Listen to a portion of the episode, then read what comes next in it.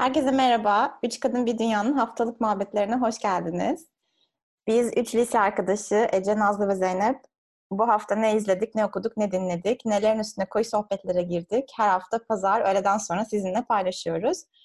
Bültenimizde bizi Twitter'dan bularak kaydolabilirsiniz. Bültende genelde 5-6 konu oluyor. Bugün sohbette konuşacağımız üç konu modern dans, karanlık turizm ve modern hayatın safsatıları. Ben Zeynep, Paris'teyim. Ben, ben Nazlı. Ece. ben Nazlı. E, Londra'dan bildiriyorum. Ben de Ece. Türkiye'deyim. İstanbul. Ece bu hafta Brand Week'teydi. Ben şahsen Brand Week'te çok fazla pazarlamacı arkadaşım olduğu için herhalde e, çok Instagram'da bir yığını halinde gördüm bütün postları. Ece de bu hafta onunla ilgili bir şeyler yazmış. Evet. Anlatsana ne oldu? Ee, Valla ya çok çok güzel konuşmalar vardı. Ben, ben bir gün girebildim. Ee, öyle denk geliyordu programıma da. Zaten ama en güzel güne denk gelmiştim. Ekrem İmamoğlu'nun konuşma yaptığı güne denk geldi. Zaten hani herkes inanılmaz gazdı. Zaten Ekrem İmamoğlu gittikten sonra insanlar dışarı çıktılar. Yani ben böyle hatta şey dedim hani nasıl insanlar giderler sadece bunun için mi geldiler falan. Meğerse insanlar imza almak için dışarı çıkmışlar. Böyle salonun yarısı boşaldı. Hatta üzüldüm böyle. Ondan sonra da yaşlı bir amca geldi böyle. Bayağı da değerli bir adamdı ama salonun böyle yarısı bomboştu. Neyse benim bugün aslında bahsedeceğim şey birazcık da hani kendimle de ilgili özel eleştiride bulundum yazıda da. Böyle e, Bayer'in tüketici sağlığı grubundan e, global böyle e, pazarlama ve dijital sorumlusu bir kadın geldi. Patricia Corsi diye. Böyle farklı farklı yerlerde çalışmış. Meksika'da çalışmış, Amerika'da, Kanada'da, İngiltere'de. En başta çok böyle sönük çıktı sahneye. Böyle etkili, böyle çok şovvari bir halde çıkmadı. Böyle saç kendi kendime şey demeye başladım işte. İşte fön de çektirmemiş. İnsan bu kadar özensiz olur mu vesaire. Çünkü hep pazarlama dünyasında hep böyle bir Amazon kadına belki de alışmış bünyeler. Böyle çıkacak işte topuklu ayakkabılarıyla kendini böyle gösteren, bakımlı vesaire. Şey diye düşündüm böyle hani herhalde eften püften böyle bir konuşma yapacak. Hatta genelde böyle firmaların konuşmacıları olduğunu da genelde böyle firmaların yaptığı işte iyi örnekleri vesaire anlatıyorlar. Herhalde dedim yine öyle bir şey olacak. Kendilerini övecekler falan. Böyle dinliyorum yani kadını da. Herhalde sponsor falan herhalde öyle bir şey diye dinliyorum. Ya, fakat kadını dinlemeye başladıkça inanılmaz böyle yani hani hep, hep şey diyoruz ya böyle içerikler önemli, içeriğin kalitesi önemli vesaire.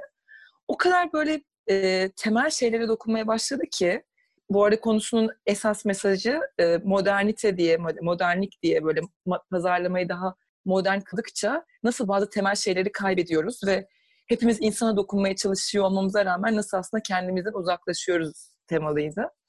Yani kendi dünyamda da yaptığımız böyle hani o akışta unuttuğumuz hani böyle işte yok dijital pazarlama diyoruz bazı şeylere konsept işte dijital dijitalcilerle konuşalım. Bunu bir dijital kampanya haline dönüştürelim vesaire. Fakat böyle dünya çok hibrit bir hale gidiyor baktığında yani hani şey dedi çok onu çok sevdim. Ya insanlar dijital diyoruz. E peki dijital demediğimiz insanlar analog mu yani hani bu insanların hiç mi dijital konsepti yok diyor. Gerçekten de öyle. Yani böyle uzmanlıklar atıyoruz insanlara. Fakat aslında herkesin o hibrit e, perspektifi ya da bir şekilde o bilgi birikimin olması gerekiyor ki o şekilde düşünebilsin e, insanlar da. Yani böyle sadece bazı uzmanlıkları başka insanları atayıp konudan uzaklaşmak hiçbir kimseyi bir yere götürmez diyor. Böyle şeylerden bahsetti. Hani brief yazma ve briefleri paylaşmadan. Yani çoğu insan artık şimdi online dünyada brief'i e-mail ile gönderiyor. Ondan sonra işte e-mail ile yazışmaları devam ettiriyorlar. Ya kadın herhalde 20-25 yıl önce iş hayatına başlamış. Ben ilk briefimi vermeye gittiğimde o gece uyuyamamıştım dedi. Yani o heyecanı, o insan dokunuşunu nasıl kaybettik biz bu modern dünyada diye. Böyle gerçekten insanı silkeleyici. Çünkü hani ilk pazarlamaya da başladığında insanlar hep şey derler ya brief çok önemli. Brief'in çok insanı etkilemesi lazım. Çünkü sonuçta yine insan duygusundan bahsediyorsun. Ve gerçekten unutuyoruz böyle hani çok önemli bir şey ya da bir kampanya ya da ufacık bir şey bile olabilir, bir slogan bile olabilir. Bazen çok hızlı o böyle o karambolde unutuyoruz belki o insan tarafında dokunmayı. Bir de şey örneği verdi, onu çok sevdim. E şimdi biz de kendi içeriklerimizde hep böyle Netflix'ten bahsediyoruz. İşte şimdi mesela podcast kaydı yapıyoruz vesaire. Alışkanlıklarımız, kendi alışkanlıklarımız değişiyor ama hitap ettiğimiz insanların alışkanlıkların hep aynı kaldığını düşünüyoruz diyor. Yani nasıl anlatayım? Mesela Netflix'te eve gidiyor. Evde hiçbir reklamsız insanlar izliyorlar. Artık insanın artık böyle şey tahammülü kalmadı. Ama biz hala gidiyoruz. İşte reklamları nasıl işte daha maksimum hale dönüştürürüz, nasıl televizyon reklamı çekeriz vesaireyi tartışıyoruz. İnsana dokunmayı, o temel prensipleri unutuyoruz diyor. O yüzden bu hani böyle çok temel şeyleri konuştuğu için sevdim. Ondan biraz bahsetmek istedim. Böyle. Ya şey konusu e, bana çok ilginç geldi gerçekten. E, kendi hayatında farklı alışkanlıklarla yaşayıp işe gittiğinde farklı bir şeye yoğunlaşman, o reklam evet. izlememe ve sonra işe gidip reklam sanki reklam olmazsa bu kampanyanın işte kampanya bile değil yeni ürün piyasaya çıkarılır mı reklam olmadan? Ama düşününce reklamları geçmek için gerçekten evet. bir efor sarf ediyoruz. İzlediğimiz içerikte olmaması için gerçekten insanlar bunun üzerine para ödeyen. Tabii yani toplumun büyük ihtimalle kesim kesim değişiyor olabilir ama herkes o yönde gitmeye çalışıyor. Yani çok zevk alınan bir şey değil. Ama iş yerinde hala daha böyle daha işte hani reklamların altın dönemindeki Aynen. gibi bir e, şeyle reklam olmalı gerek. E, re, re, reklamın olması gerek. Reklam olmazsa kampanya yürümez gibi bir düşünce yapısı oluyor. O ilginç geldi bana bayağı. Ben de onu çok sevdim. Bu arada ben şimdi şu anda aklıma geliyor. Biz ilk kendi aramızda konuşurken de bir ara diyorduk ki işte mesela WhatsApp'tan acaba küçük bir grup mu kursak? İşte oradan haberleri bilirsek falan. Aslında mesela biz yine kendi kendimizi dinleyip o fikri elemişiz. Şimdi düşündüm. Yani belki de kendi yapmayı sevmediğimiz şeyi belki de yaratmış olsaydık yine uzaklaşmış ve böyle bir trendin ya da böyle hani mesela trend ya şu anda mesela WhatsApp'taki öyle küçük mini gruplar vesaire belki birçok öyle haber şeyi var. Belki de o trende o modern e, alışkanlığa dönüşüp yine böyle kendi sevmediğimiz bir şeye belki de dönüştürecektik iste, yani farkına varmayarak. Evet bence iyi yapmışız. Yani iyi bir karar vermişiz. Ben gerçekten yani bu kadar WhatsApp grubu var. Milyon tane hani farklı farklı arkadaş grubu. Bir de üstüne böyle haberleri almak için ya da ne bileyim haber de olsa işte düşünce böyle minik yazılar okumak için başka bir gruba kaydolur muyum kendim? Olmam ya gerçekten yeter doydum WhatsApp'tan.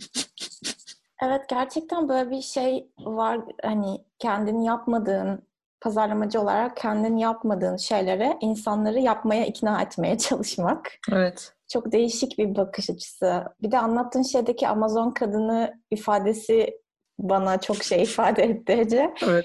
Gerçekten pazarlamacılarda özellikle kadın pazarlamacılarda böyle bir hissiyat ben de alıyorum.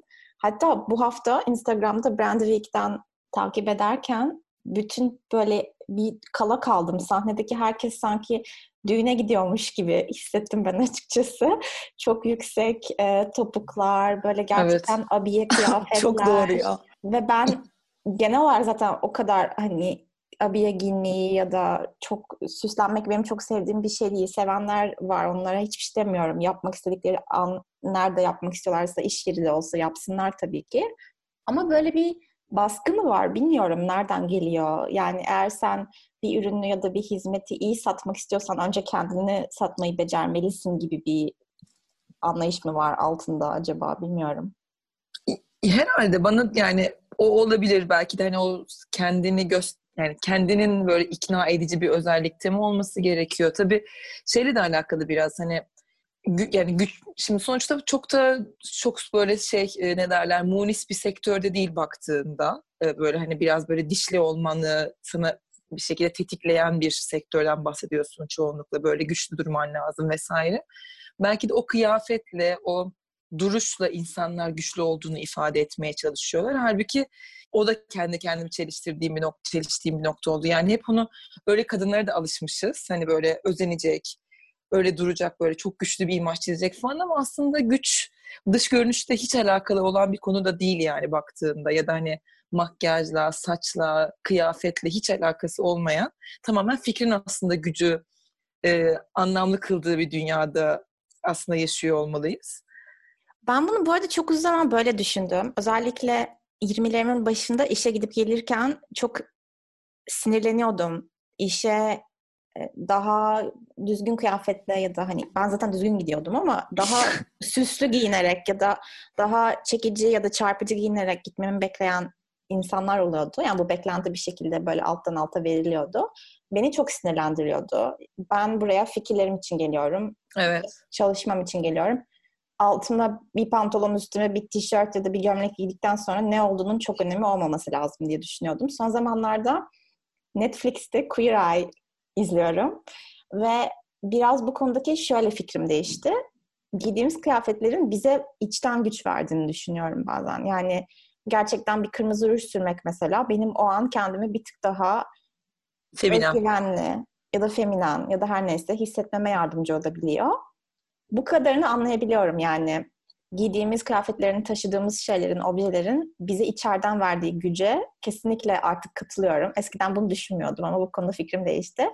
Ama yine de dışarıdan geldiğinde bu beklenti seni bir şekilde feminize etmeye çalıştığında ya da seni tek tip bir kadın haline sokmaya çalıştığında ya da tek tip bir insan çünkü erkekler için de benzer şeyler var. Mesela o Brand Week'te atıyorum konuşmacı olup da ceket giymeyen erkek yoktur bence. Tahminim bilmiyorum. Belki de Evet o olmuştur. cool böyle, o cool duruş böyle. Ve blazer ceketini giyecek, gelecek herkes. Bu dışarıdan gelen beklentiler çok enteresan. Çünkü bana kırmızı ruj güç verirken sana Converse ayakkabı güç veriyor olabilir. Yani Aynen. o- onun ne olduğunu bilemeyiz ki biz dışarıdan ama dışarıdan baktığında gördüğün şey tek tip giyinmiş insanlar oluyor en sonunda. Bu arada ruj dedin ya mesela ben şeyi de duymuştum. Ufacık bir topuk giysen bile e, bütün postürün ve yürüyüşündeki özgüven değişiyormuş. Yani illa böyle çok yüksek topuk olmasına gerek yok. Yani ufacık böyle 1-2 santimlik topuk biri insanın bütün yani daha sağlıklı yürüyüşünü falan tetikliyormuş. Çünkü o belki içten gelen bir şey. Belki ona dikkat ediyorsun. Belki düşmemeye çalışıyorsun vesaire. Ve otomatikman daha özgüvenli yürüyen bir kadın haline dönüşüyormuşsun. Ya ben mesela işte de bu arada denk geliyorum. Böyle e, insan içinden de gelebilir bazen bu arada daha şık giyinmek. Mesela bizim serbest kıyafet baktığında iş yerinde bazen insan içinden geliyor böyle birazcık daha hani şıkım şıkım olayım his- hissediyorsun. Evet tabii. Bir şey var mesela. Aha bugün ne kadar güzel olmuşsun. A- yani diğer günler kesin kötüyüm. yani Diğer hakikaten. ya o, o mesela aslında ona da bu arada şey oluyorum hani aslında Ya bugün dikkat gereken bir etmişsin. şey. Hani sevilmen gereken bir şey ama öyle bir şey de barındırıyor ki kendi içinde. Hadi diğer günler demek ki çok mu paspalım ya falan hani. Ve o zaman şey oluyorum ben mesela genelde pazartesi günlerinde öyle oluyor. Pazartesi özeniyorum mesela. Ha, Bütün hafta sonu spor giymişim vesaire. Şimdi o gün mesela diyorum ki hadi birazcık özeneyim. Ondan sonra sonra salı günü zaten böyle direkt e, böyle baş aşağı düşüyor benim genelde trendim yani normal halime dönüşüyor. Ama pazartesi şey diyorum böyle. Ay hep mi böyle giyinsem acaba? Demek ki bu bir hani eh, özenmişsin böyle bir hevesli gelmişsin gibi bir imaj yaratıyor ama yani olamaz öyle de her günde de öyle özenemezsin günün sonunda ama böyle bir şey Özenenler var, hani takdir de var bu arada. Aa, bugün ne kadar hoş olmuşsun. falan. Kesinlikle takdir var. Evet evet. Ve algı da yaratıyor mesela hani sanki böyle daha hep e, nasıl anlatayım formal giyinsen vesaire sanki işinde de daha e, işi ciddiye alıyormuşsun gibi de bir imaj yaratıyor. Ben onu ona ciddi sinirleniyorum. Yani ne alakası var yani? Evet, bu önceki bültende yazdığımız algı operasyonu. Beyaz Evet. yakalının 50 tonu konusu. evet. Evet. Nazlı, sen ne yazdın bu hafta? Ben bu hafta değişik bir turizm türü üzerine yazdım. Adı karanlık turizm yani İngilizce'de dark turizm diye geçiyor. Ee, nedir karanlık turizm? Gördüğüm, okuduğum kadarıyla. Bu arada bu konuya nasıl geldiğimi de sorarsanız ya çünkü garip bir konu aslında. Netflix'te izlemeye başladığım bir belgesel e, nedeniyle geldim. E, belgeselin ismi de e, Dark Tourist galiba belgeselin ismi. Neyse karanlık turizm insanların savaş, katliam, doğal afet ve bunun gibi kötü olayların yaşandığı yerlere e, yerleri görmek amacıyla gitmeleri, o yerlerde gezmeleri. Aslında bu turizm türüne karanlık turizm deniyormuş. Şimdi yani garip olan şey ben hani bunu bununla karşılaşmadan önce şey zannediyordum. Hani herkes bir sonraki tatilinde hangi güzel şehre gitsem, hangi deniz kenarında bir e, kumsalın üzerinde şöyle şezlongda uzanıp güneşlensem vesaire gibi şeyler düşündüğünü düşünüyordum. Ki yani garip bir düşünce değil bence bu. Hani herkes böyle düşünüyordur diye umuyorum ama tam da öyle değilmiş. Bazı insanlar daha çok böyle hem heyecan hem de Yani iki türü var. Bazıları sırf farklı bir şey olsun, farklı bir yer gördüm diyebilmek için sanırım bu tarz daha kötü olaylarla e, anılan yerlere gitmeyi tercih ediyor. E, bazıları da tarihi gerçekten öğrenmek için. Bir de bir yazıda şey diyordu, aslında hepimiz biraz da olsa karanlık turistiz diyordu. Mesela e, dünyadaki karanlık turist noktalarından bazıları, mesela merak ediyorum bunlardan gittiğiniz oldu mu hiç? New York'taki 11 Eylül e, Müzesi ve İkiz Kulelerinin yıkıldığı yere bir anıt yaptılar. Galiba Ha, ben- e, buna gide, gideniniz oldu mu mesela? Ben Ben de gittim. uzaktan. Uzaktan, evet. Ya, Tamam. Anıtı gördüm yani ama oturup da gezmedim. Bir ikincisi Auschwitz toplama kampı. Ee, gittim, gitmedim. gittim. Ece gitti. Zeynep? çok gitmek istiyor. Bu kış gidecek büyük ihtimalle. Gittim ben toplama kampı geziyorum ya. Tamam. o zaman sizin içinizde de ufak ufak biraz karanlık turist var demek oluyor bu. Ya bu arada şunu hatırladım mesela. İkinci Dünya Savaşı'na dair çok güzel bir anıt var Berlin'de. Böyle ismini bilmiyorum. Evet. Ama hep fotoğraflarda gördüğümüz. Şey e, böyle farklı farklı betonların böyle mezar gibi olduğunu diyorsun Ha. değil mi? Evet mesela o benim turistik evet, olarak ben de oraya yaptığım gittim. aslında. Gittin. çok Nazlı gittin sen oraya. Biri. Evet ben oraya gittim ve doğru orası da mesela aslında bir hani bu kontekste bakarsan Ya bu kontekste bakarsan mesela Berlin'in her yeri, Berlin'in her yeri aslında karanlık turizm. Çünkü görüyorsun yani şehrin nasıl ayrıldığını, neler yaşandığını. bir de ilginç bir tarafı şimdi bunlar gidip görülen şeyler. Bir de deneyimleyebileceğiniz şeyler var. Ve o Netflix belgeselinde onlara da de- değiniyor. Mesela neyi deneyimleyebilirsiniz? Meksika'ya gidip Meksika'dan Amerika'ya kaçak geçen e, bir mülteci turuna katılabilirsiniz. Bir mülteci rolünü oynuyorsunuz. Ne?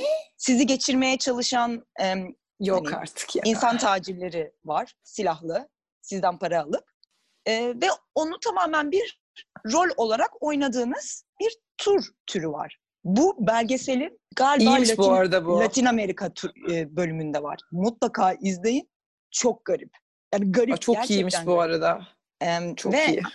Hani bu bu tur hani şey değil size böyle çok şey davranmıyorlar hani. Aa, hani turist bunlar yok bayağı Bayağı kötü davranıyor herhalde. Bayağı kötü davranıyorlar. Sizi yere yatırıyorlar. İşte çantanızdan çantanı ver, işte bilmem e, paranı ver. Hani çünkü sonuçta sınır geçmeye çalışan insanların bu tarz e, o yoldaki başka işte e, silahlı saldırganlar vesairelere maruz kaldığı biliniyor. Onları da size yaşatıyorlar yani. Başka bir deneyim türü mesela Fukushima. Fukushima bölgesi şimdi her ne kadar o e, radyasyon hani o bir doğal afet aslında. E, olayından sonra hala radyasyon seviyelerinin sağlıklı olmayan bir düzeyde olduğu biliniyor.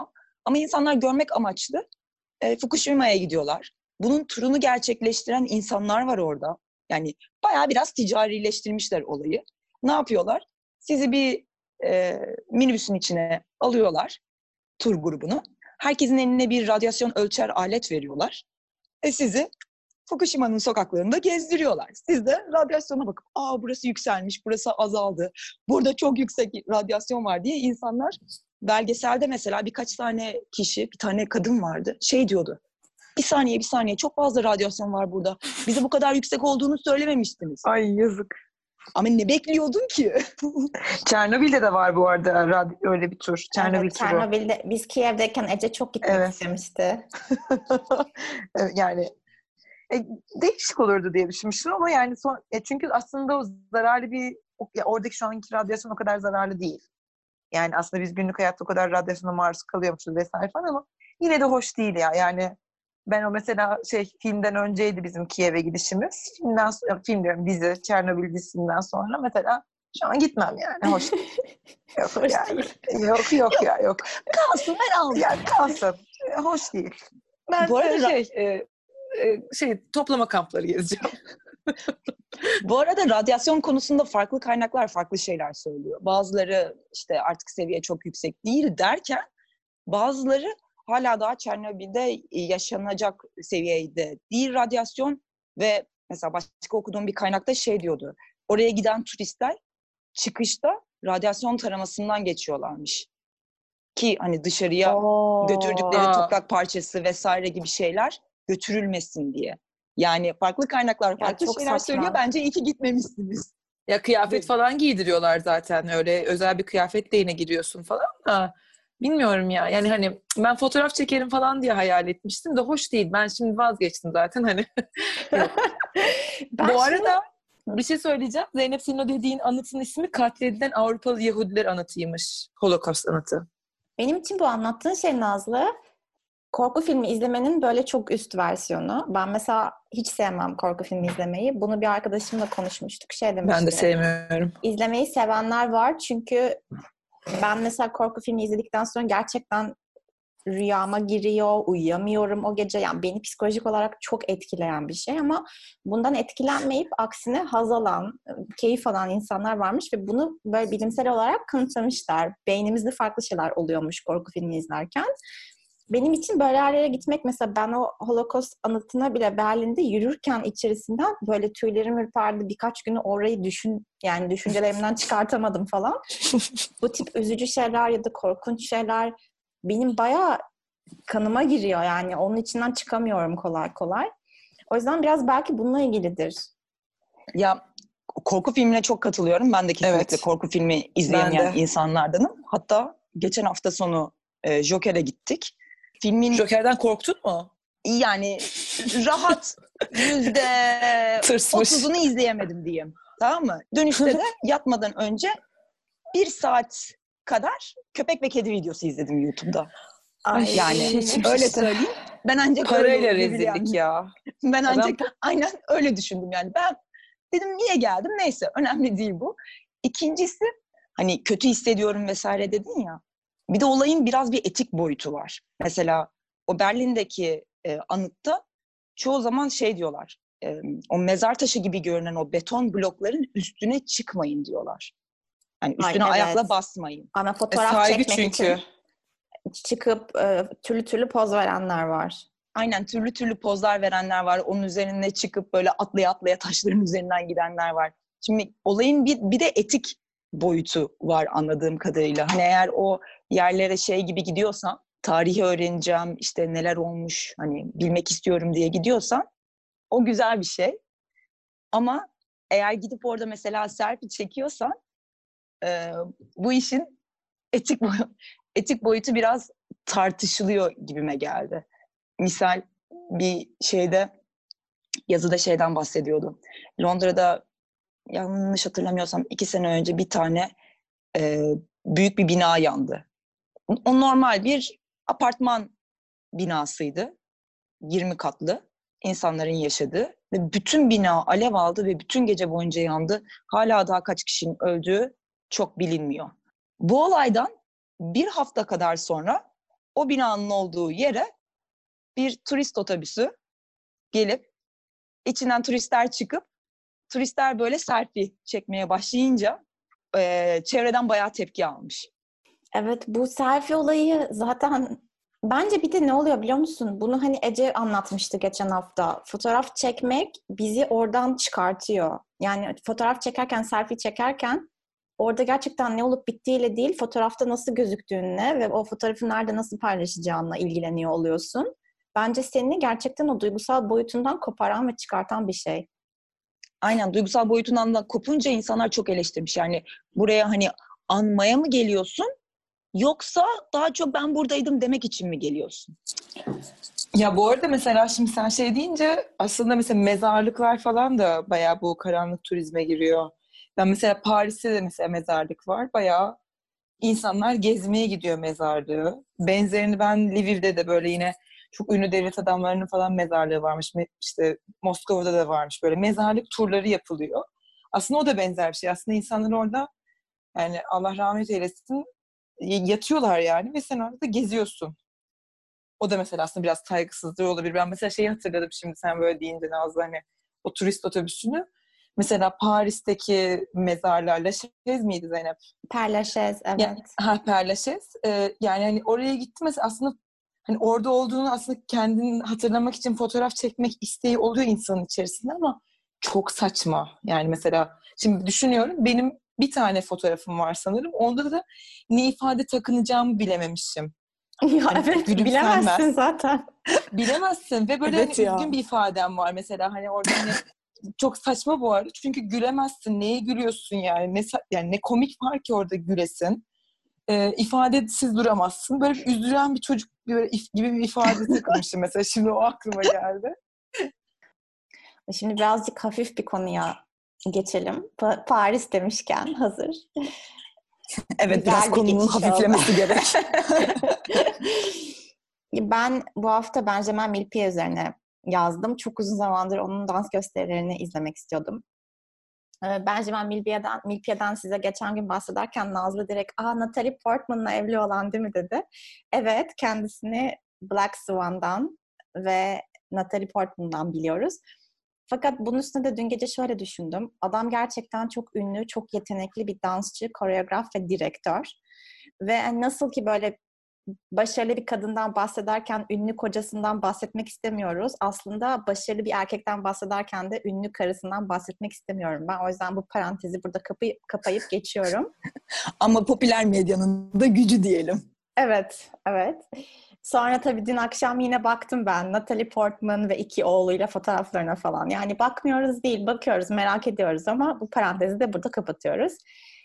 Benjamin Millepied benim Paris'e taşındığım sene 2016'da Paris Opera ve Balesi'nden ayrılmıştı direktörlüğünden. Aslında direktörlüğe getirilmesi de çok büyük bir olay olmuştu. Çünkü kendisi dansa çok modern yaklaşan biri. Fakat e, operadan çok olaylı bir şekilde ayrıldı.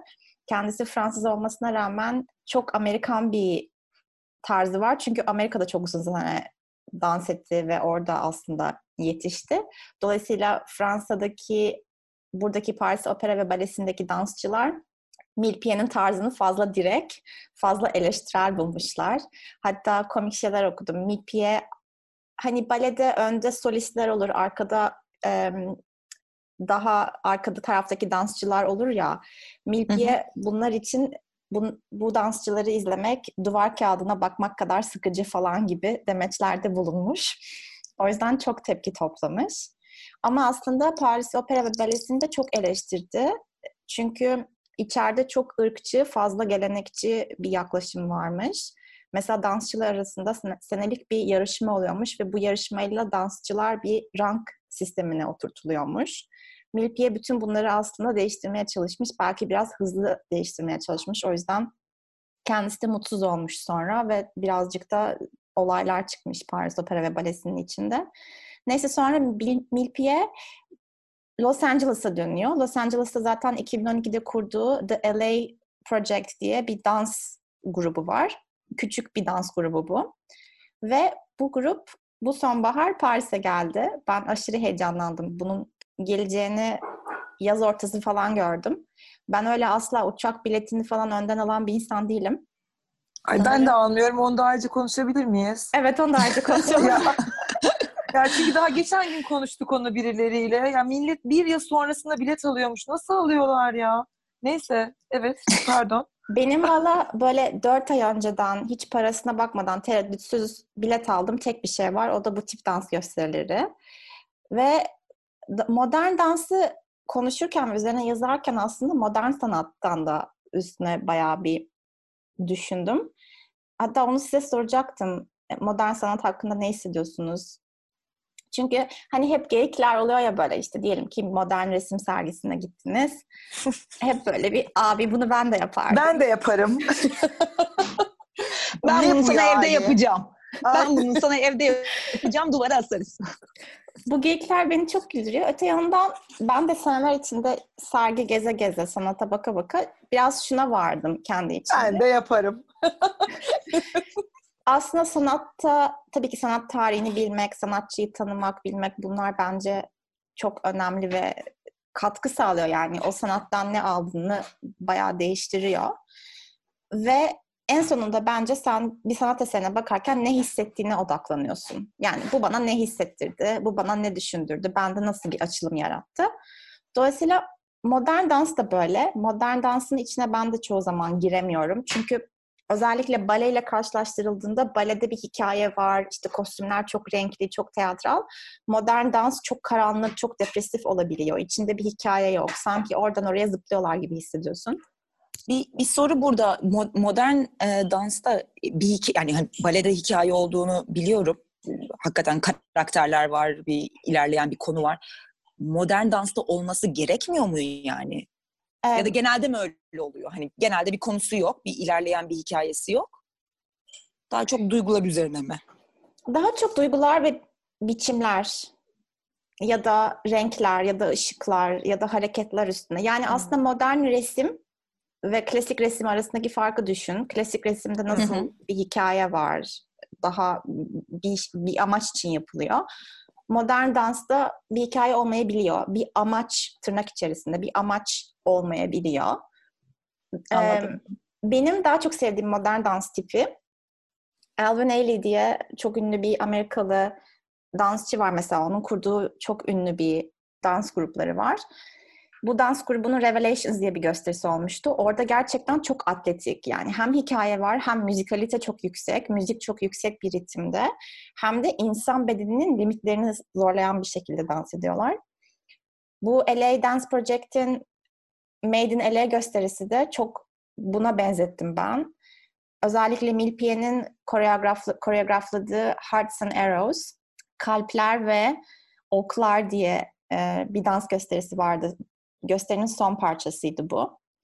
Ve şöyle çok tatlı bir şey olmuş. Bunu aslında ekrana da uyarlamışlar. O yüzden sizinle paylaştım. Ekrana uyarlanmış halini, 20 dakikalık halini izleyebilirsiniz. Ve gerçekten sonra üstüne düşündüm bende nasıl hisler yarattı bu dans gösterisi, beni neden bu kadar etkiledi diye. Bende yarattığı hisler bayağı özgürlük, böyle çok bedensel seviyede özgür hissetme. Dansta genellikle eşitlikçi olmayan, mesela hep bir kadınla bir erkeğin solo yaptığını görürüz ya. Mesela bu dansta erkek iki erkeğin solosu var.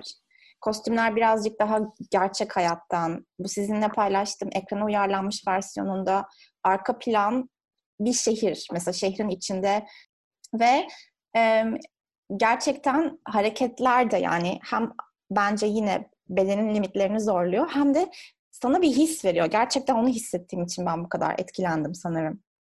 Ee, şey diyecektim. Yaz, yazını okurken hani yazmışsın ya e, her zaman bir kadınla bir erkeğin solo dansını izleriz. Bunda ise bir erke, iki erkeğin solo dansı veya iki kadının solo dansını izliyoruz gibi bir şey. Onu okurken bile hani bu işte bilinçaltı şeyler. Aa evet hakikaten hep bir kadın ve erkeğin solo dansını izliyoruz diye tekrardan böyle şey oldum. Hani zaten bildiğimi tekrar sanki fark etmiş, farkına varmış gibi hissettim. Ya onun da ötesinde mesela Paris Bale ve Opera ve Balesi gibi 300 senelik bir kurum orası. Öyle kurumlarda onun da ötesinde şeyler var. Mesela kadın dansçıların belli boyutlarda olması gerekiyor. Eğer çok iyi bir dansçıysan ama fazla kısaysan ya da fazla uzunsan Uzunsan. ya da ayakların fazla büyükse balerin olamıyorsun gibi şeyler var. Ya da atıyorum beyaz tenli değilsen yani bayağı ırkçılığın da ötesinde aslında çok derin bir şekilcilik var. Yani çok kalıplaşmış düşünce tarzları var geleneksel dansta. Ya beyaz ten derken mesela hani e, zenci anlamında mı yoksa böyle çok bembeyaz mı olmak gerekiyor? Yani hiç olamaz hepsi. mıymışsın balerin? bu, bu yaştan sonra zor Ece senin boş ver. Ya, Ya ben hiçbir şöyle zaman zor değil bu arada da neyse buna. ya çok üzücü hikayeler var Ece. Mesela sahneye çıkarken e, derisine beyaz pudra Ya. sürmek zorunda kalmış olan balerinler. Yani bu, bu zenciliğin de ötesinde mesela Vietnam'dan gelmiş olan biliyorsun Ha. Fransa'da çok aslında Var. Kuzey Afrikalı ve Asyalı bir oradan gelen oradan göç etmiş bir popülasyon da var. Yani çok tek tip olmanı bekleyen geleneksel bir bakış açısı var balenin özellikle. Kilo Balede- falan da bu arada benim bildiğim kadarıyla çok hassas. O yüzden mesela bale eğitmenleri falan da hani şimdi şeyden aklıma geldiğinde zaten Natalie Portman'ın o filminde de vardı yanlış hatırlamıyorsam da hani Evet. o kiloya falan da inanılmaz takıklar. Kilo almayacak, yediğine dikkat edecek, inanılmaz bir öz disiplin gerektir diyor ya da dış disiplin de bir şekilde sağlıyorlar bilmiyorum. Evet, dansçıların çok büyük bir kısmı anoreksik oluyor mesela. Maalesef. E, şeyi söyleyecektim bir de hani bu ten rengiyle ilgili bir yerde okumuştum.